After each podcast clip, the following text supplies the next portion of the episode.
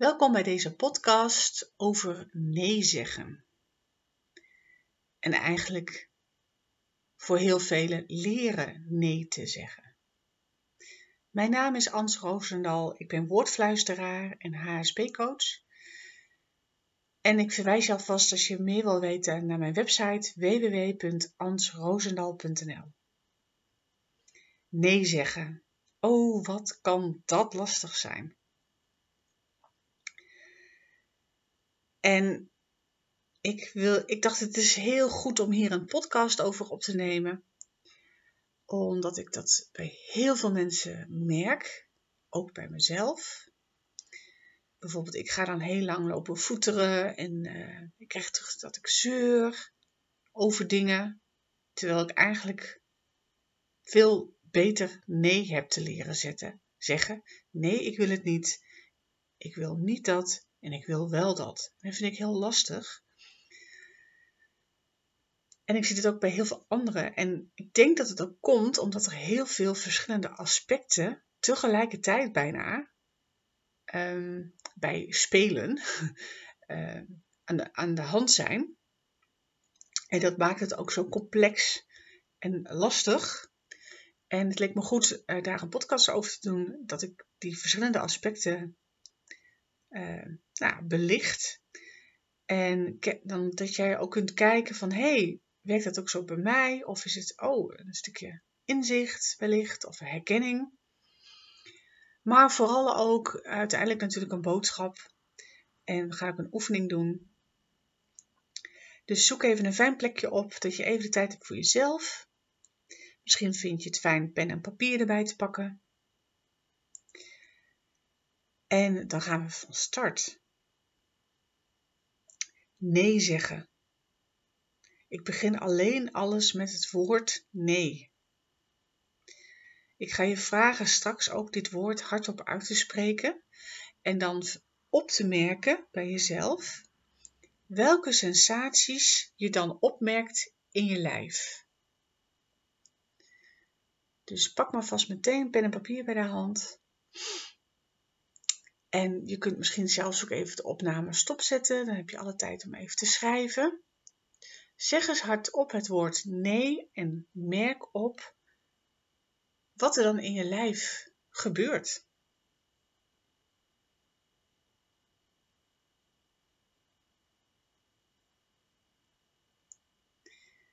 En heb je daarbij ook niet alleen gewoon zoals ik nu nee zeg, nee gezegd, maar ook echt even van nee, ik wil dat niet. Want daar gaat het natuurlijk om. Nee, stop daarmee of nee, ik wil dat niet. Dus echt met die intentie. En kijk wat voor, sensaties je dan opmerkt bij jezelf.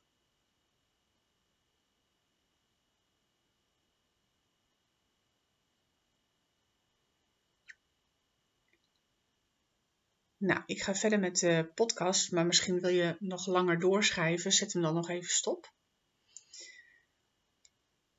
Er zijn een aantal vrouwen, en best veel, die die sensaties die ze dan in hun lijf ervaren vervelend vinden.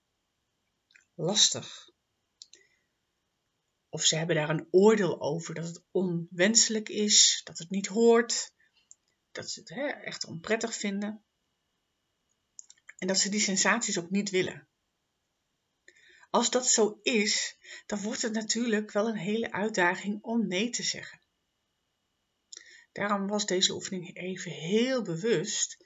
Wat gebeurt er bij jou als je uitspreekt dat jij het besluit hebt genomen dat je dat niet wil? Het is goed om dat voor jezelf helder te hebben. En ik noemde net al het woord besluit.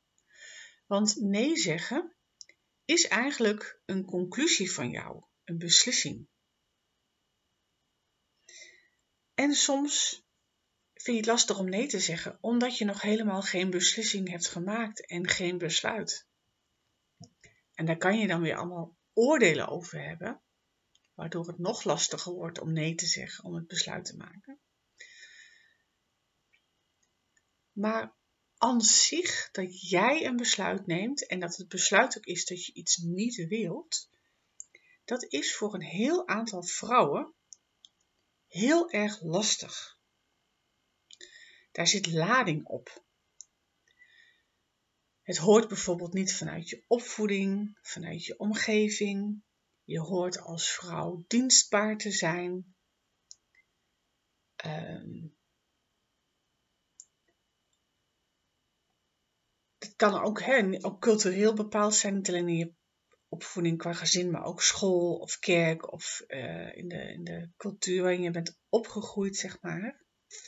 En dat zijpelt dan door in je dagelijks leven, in, in dagelijks hoe jij tegen dingen aankijkt en welke beslissing je denkt te mogen nemen. En dat gaat best wel subtiel, als het ware, uh, en best wel vergaand. Maar het is wel goed om daar dus helderheid op te hebben of dat voor jou ook zo is. Is het aan jou dat jij een besluit mag maken? En ik denk om jezelf te kunnen gaan ontwikkelen dat het nodig is te leren dat het antwoord daar ja op is. Ja, ik mag zelf beslissen. Ja, ik mag beslissen dat ik iets niet wil. Dat iets niet bij mij past. Dat iets niet volgens mij ten goede voor mij is. En dat alles, en dat is ook een heel belangrijk aspect van het nee zeggen, vraagt er dus om dat je ook een goed zelfbeeld hebt. Of dat je überhaupt een zelfbeeld hebt, maar dat je dus ook weet wie jij bent, wat bij jou past, uh, waar je goed in bent, wat je wil uitdragen in de wereld. Dat je daar dus ja, zelfbewustzijn op hebt, zelfvertrouwen in hebt, zelfkennis hebt. Ook de dingen die je lastig vindt of niet leuk vindt of moeilijk of maar dus ook niet wilt. En niet iedereen weet dat altijd al heel goed van zichzelf. Als je dus iemand bent die heel veel open staat en heel veel bezig is met als iedereen het maar fijn heeft en zorgen voor, nou, dan vergeten ze wel eens, wat vind ik eigenlijk, wat past bij mij? Dan is het dus ook heel lastig om nee te zeggen op iets.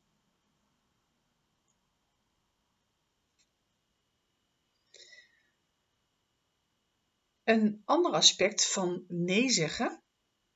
Ik heb even voor mezelf een lijstje opgeschreven. Ja, een hele belangrijke.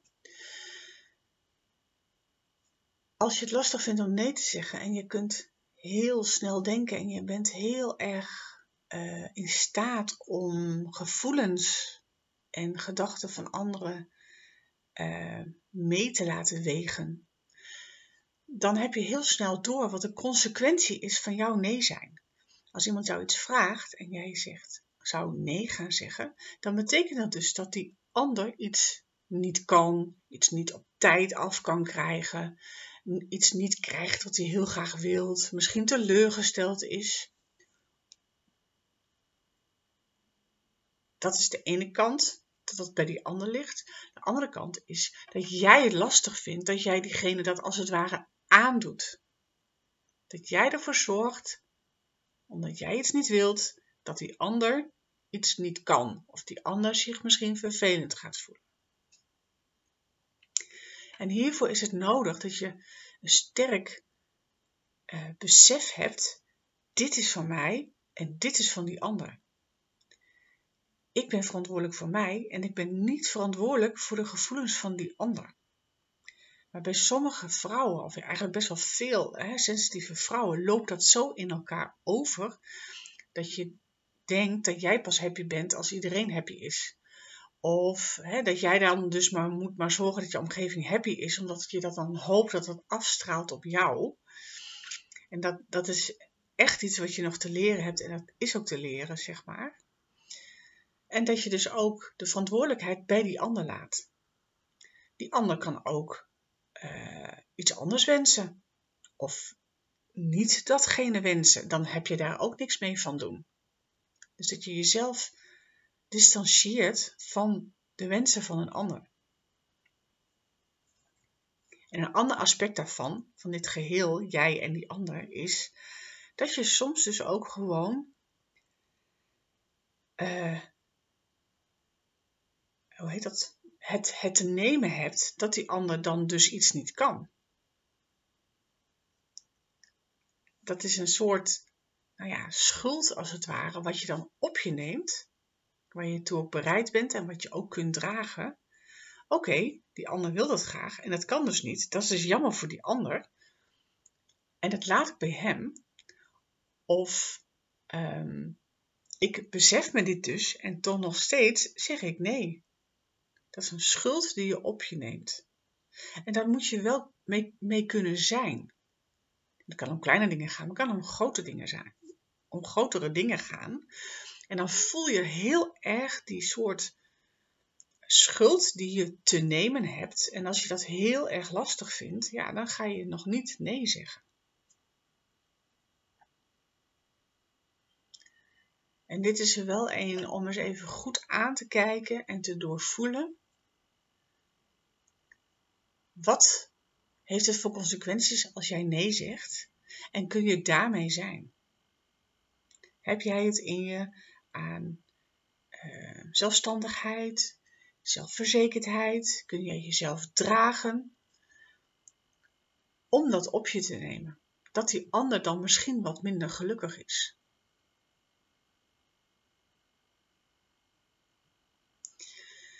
De vrouwen die ik begeleid, die hebben heel vaak een eigen bedrijf of willen dat gaan starten.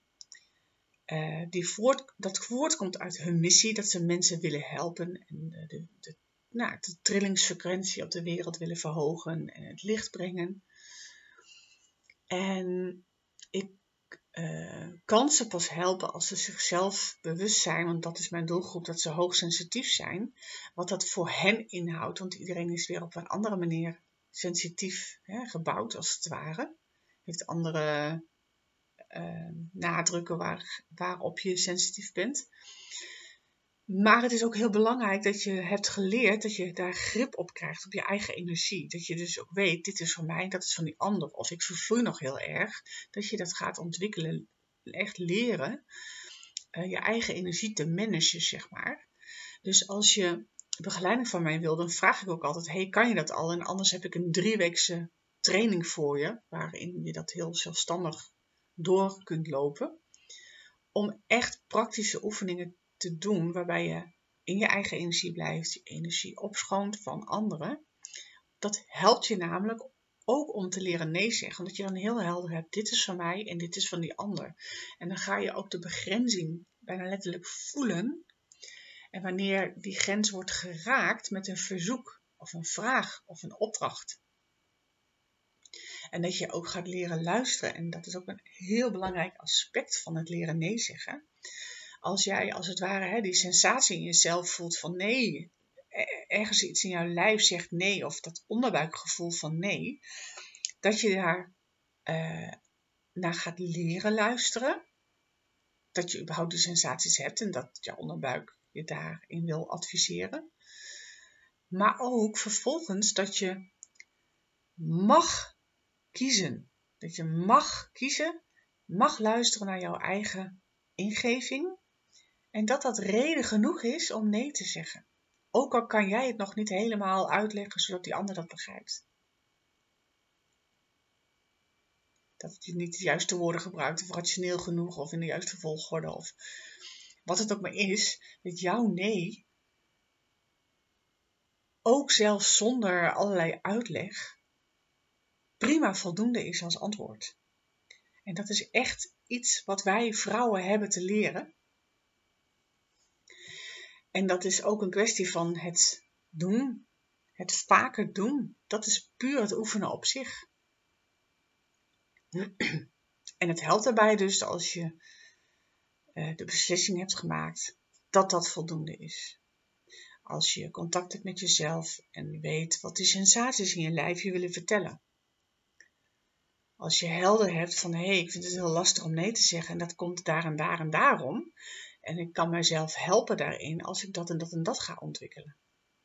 Nou, dit zijn zo'n heel aantal dingen die je dan hè, kunt leren, die ik in deze podcast heb besproken. En als je het lastig vindt, ben je welkom mij een berichtje te sturen. Kan ik hè, even een keer met je sparren om te kijken wat ik, daar, wat ik daar eventueel in kan gaan doen. Maar sowieso het advies, als je dat nog niet uh, veel ervaring mee hebt of daar nog wat in wil groeien, zeg maar. Ga ontdekken wat, op wat voor manier jij sensitief ontwikkeld bent. En hoe jij jezelf hè, grip krijgt op je eigen energie, dat je niet meer leegloopt. En dat je weet hoe, hoe jouw sensitiviteit in elkaar zit en wat jij nodig hebt, zeg maar. Uh, dat je dan maar drie weken training kunt afnemen. Die heet ook um, basistraining voor hoogsensitieve vrouwen. Grip op je energie.